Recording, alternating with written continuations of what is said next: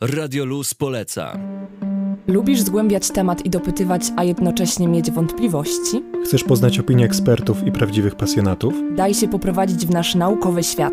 Pobudzamy ciekawość i szare komórki. Włącz na synapsach w środę o 17. I w soboty od 15 do 17 na 91 i 6 FM. Radio Luz poleca. Naszym gościem jest profesor Marcin Kadej z Wydziału Nauk Biologicznych Uniwersytetu Wrocławskiego. Cześć. Cześć, witajcie. Jesteś kierownikiem pracowni biologii i entomologii sądowej. Myślę, że to jest bardzo intrygujące i dlatego nie od tego zaczniemy. Okej, okay, super.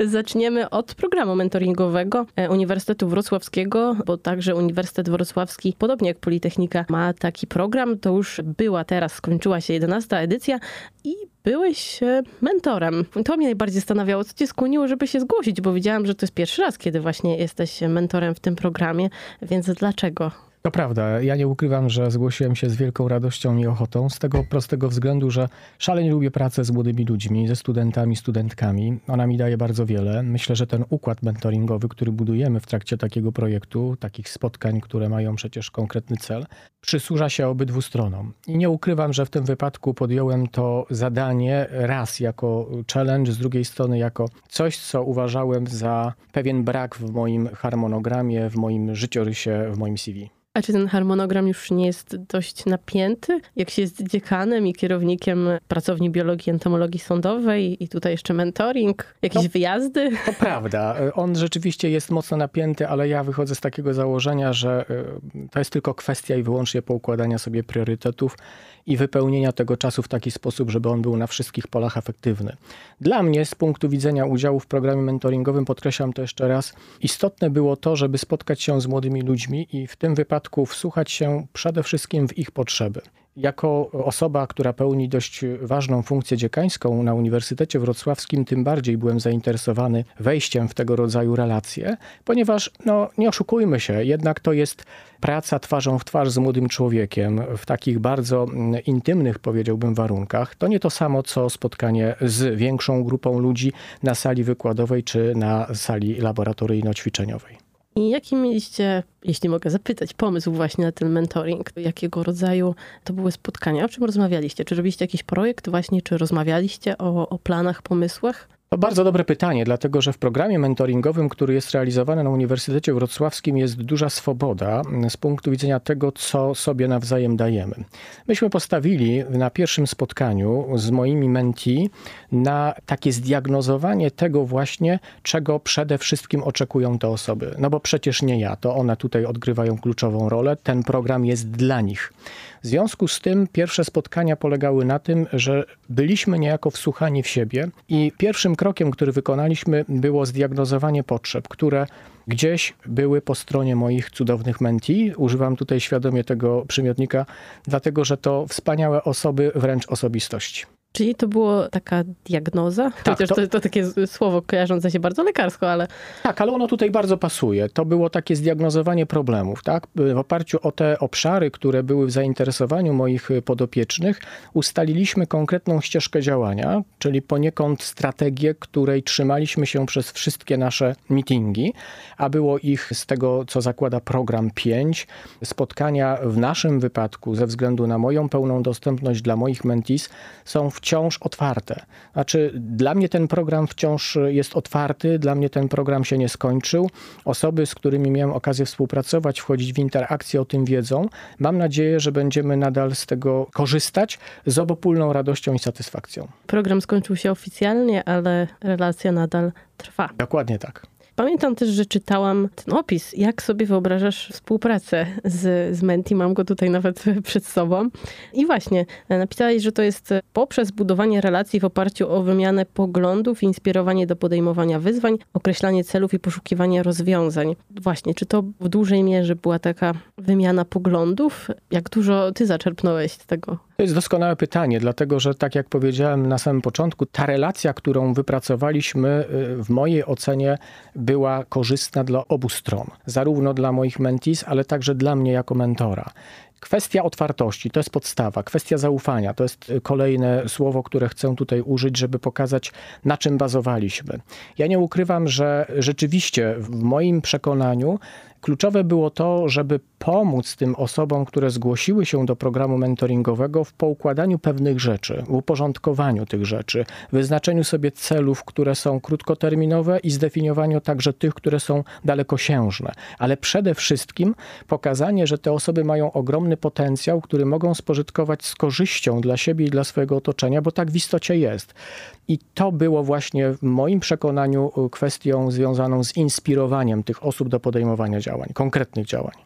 I teraz czas na to pytanie o relacje mistrza i ucznia. Czy w programie mentoringowym w ogóle coś takiego właśnie ma miejsce? Czy to już jest taka bardziej partnerska sytuacja niż właśnie taka mistrz-uczeń, kiedy kojarzy się nam to trochę bardziej hierarchicznie? Myślę, że jedno i drugie, ale to hmm. w dużej mierze zależy od osoby mentora, a z drugiej strony można też powiedzieć, że sporo zależy od osoby mentee. Dlaczego? Dlatego, że tak jak cały czas to podkreślam, tu jest swoista relacja. Myśmy się umówili w przypadku naszego programu mentoringowego, że będziemy dla siebie z jednej strony w kategorii mistrza i ucznia, i to było potrzebne. Z drugiej strony będziemy starali się bazować w oparciu o pełne zaufanie i otwartość, a to z kolei spowodowało, że przeszliśmy poniekąd w taką relację właśnie partnerską.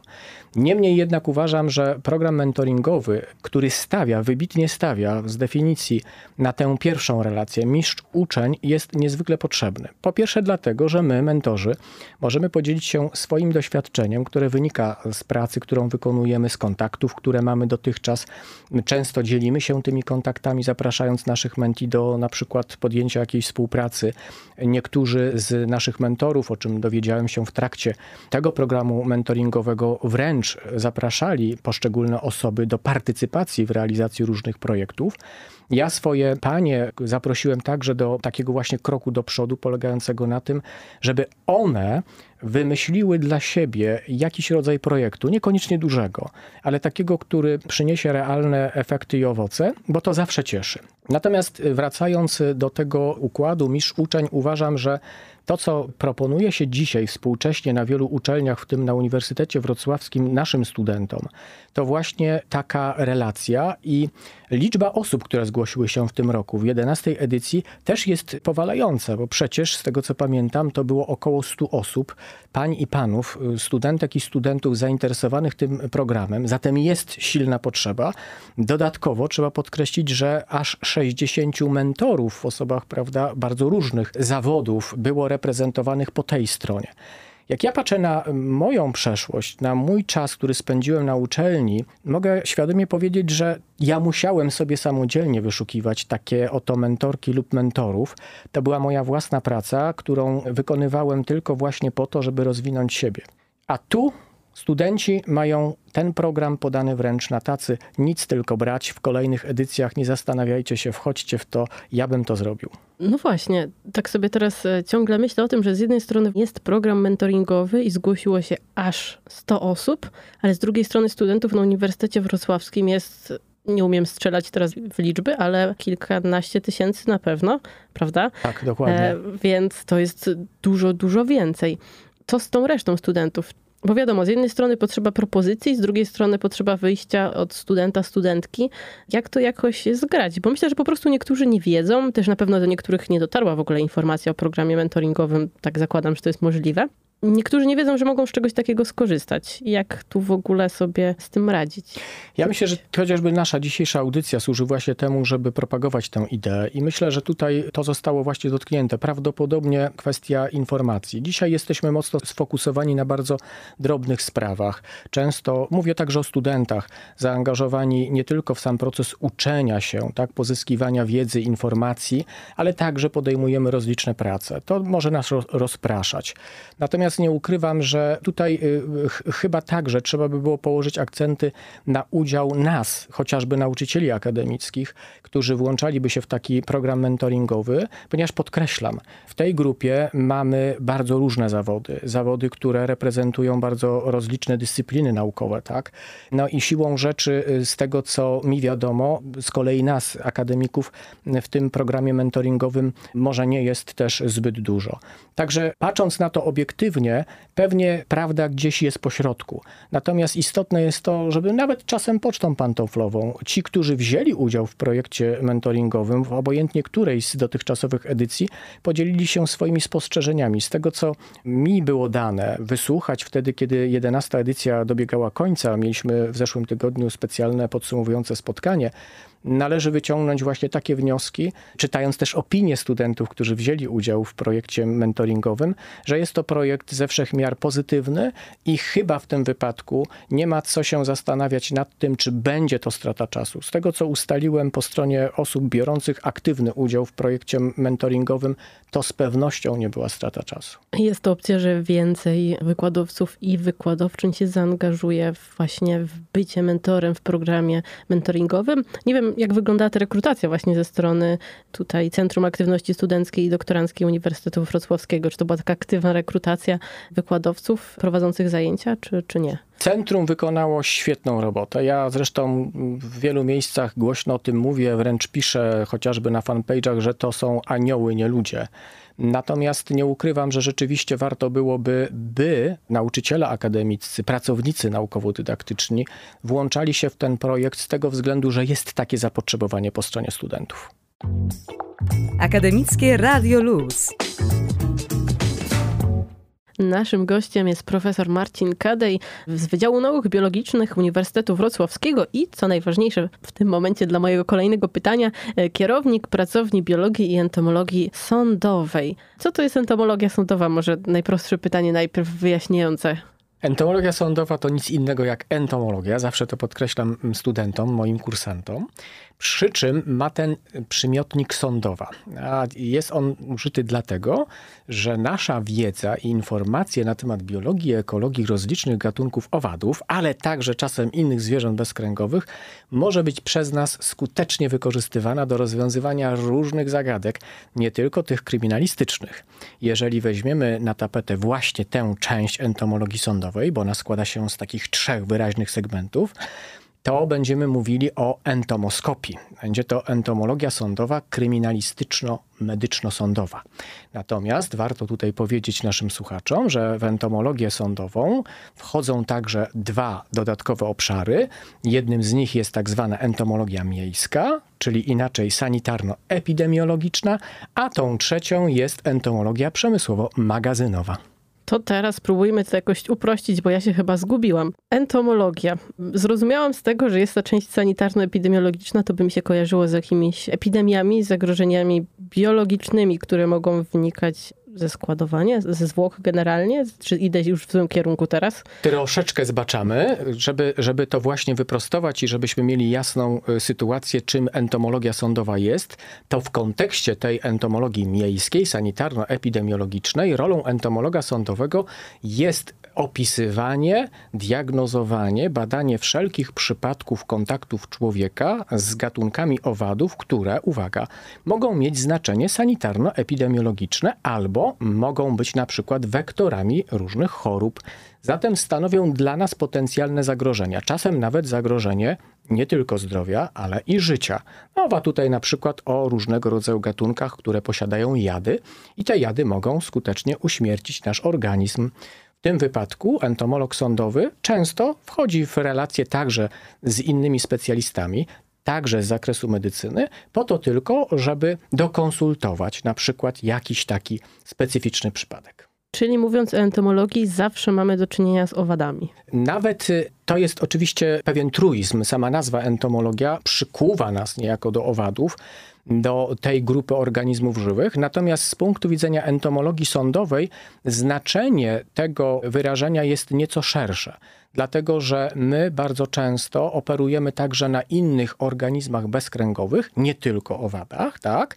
Są takie przypadki, kiedy entomolog sądowy z definicji pracuje także na innych niż owady organizmach. Zajęcia z entomologii sądowej odbywają się na Uniwersytecie Wrocławskim i są prowadzone dla grup zajęciowych z kilku kierunków. Z jakich kierunków? Na szczęście oferta jest skierowana do, tak jak tutaj to padło, kilku kierunków, głównie Wydziału Nauk Biologicznych, ale także Wydziału Chemii. Jeżeli chodzi o konkretne nazwy tych kierunków, to jest to biologia, dwie specjalności, ekologia i różnorodność biologiczna oraz specjalność biologia człowieka, mikrobiologia, genetyka i biologia eksperymentalna. Z punktu widzenia z kolei Wydziału Chemii, ten przedmiot proponujemy studentom, studentkom z kierunku chemia i toksykologia sądowa. No i właśnie, czego na takich zajęciach możemy się dowiedzieć? Co wchodzi w skład tych zajęć? Te zajęcia, tak jak każdy moduł dydaktyczny na Uniwersytecie Wrocławskim, taki pełny moduł, mam tutaj na myśli właśnie takie podejście do, do tego tematu, składają się z dwóch elementów. Jest to część wykładowa oraz część ćwiczeniowa. Wykład z definicji nawiązuje do tego, żeby przedstawić właśnie pełen zakres entomologii sądowej z punktu widzenia jej definicji, funkcji, roli i użyteczności.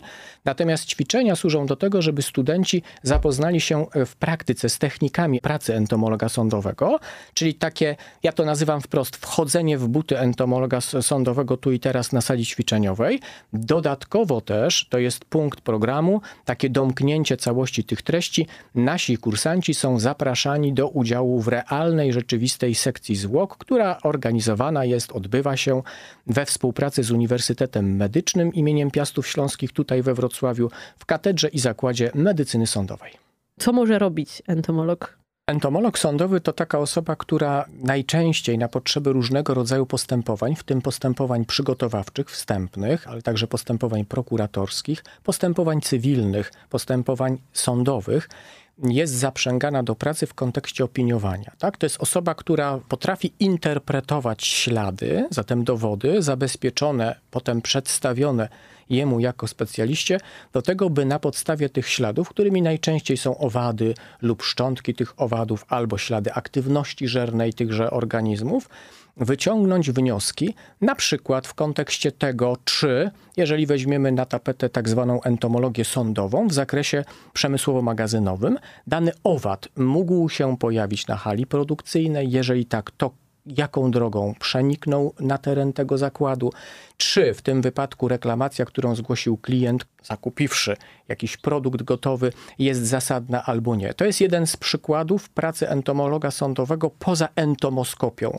czyli tymi wszystkimi przypadkami, w których entomolog sądowy opiniuje na potrzeby postępowań przygotowawczych, najczęściej prokuratorskich, w kontekście jakiejś nagłej śmierci, jakiejś niespodziewanej śmierci, często z podejrzeniem wystąpienia osób trzecich. Mamy tutaj na myśli na przykład różnego rodzaju zabójstwa, morderstwa i tego rodzaju historie. Czyli entomolog sądowy zawsze ma do czynienia z jakimś kontekstem prawnym. To byłoby dobre stwierdzenie? Tak, dokładnie tak. Stąd ta nazwa, prawda, entomolog sądowy. Bo gdybyśmy odcięli sobie tę drugą część nazwy, mówimy wprost o specjaliście, który potrafi identyfikować gatunki owadów, zna się na ich biologii i ekologii, zatem bionomii jest w stanie interpretować zasięgi tychże gatunków. Natomiast Kontekst sądowy bierze się właśnie z tego powodu, że gdzieś w tle jest jakiś konflikt albo jakiś problem, który chcemy rozwiązać przy użyciu wiedzy i informacji, które posiada ten ekspert. Czyli tak najprościej mówiąc, entomolog byłby takim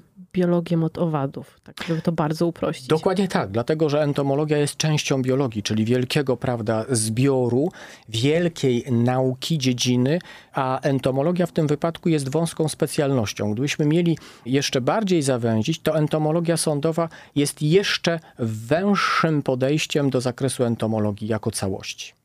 Myślę, że teraz już rozwialiśmy wszystkie definicyjne wątpliwości. No i właśnie, co, może najpierw, co ty robisz jako entomolog sądowy? Jakie są twoje zajęcia jako entomologa oprócz no, pracy na uniwersytecie?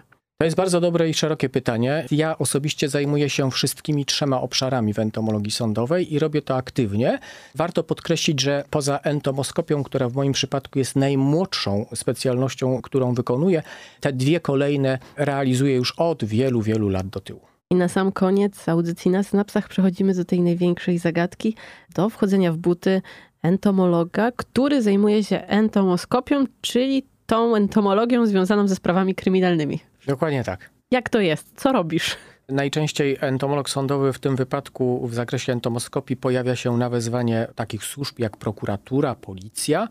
Czasem bierze udział wręcz w okazaniu, najczęściej jednak jest doproszony do zespołu sekcyjnego i jest obecny właśnie przy sekcjonowaniu. Oczywiście, jeżeli ma dostępność czasową bo w przypadku, gdyby tego czasu nie był w stanie wygenerować ze względu na inne obowiązki, to oczywiście dobrze zabezpieczone ślady dowodowe, ślady entomologiczne są mu dostarczane do laboratorium w celu identyfikacji tych materiałów i napisania konkretnej opinii.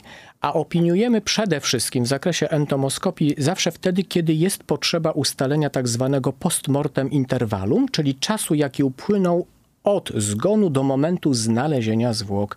To jest bardzo ważna informacja w każdym postępowaniu kryminalistycznym i to jest główna rola entomologa sądowego.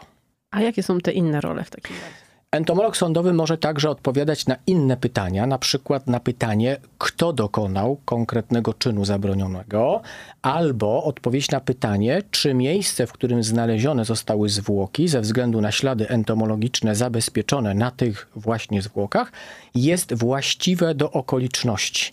Zatem mamy przynajmniej trzy pytania, na które odpowiada entomolog sądowy: kiedy, gdzie i kto w niektórych przypadkach entomolog sądowy jest także w stanie pokryć inne, tak zwane złote pytania, które zadajemy w kryminalistyce, na przykład o okoliczności, albo czym, albo w jaki sposób.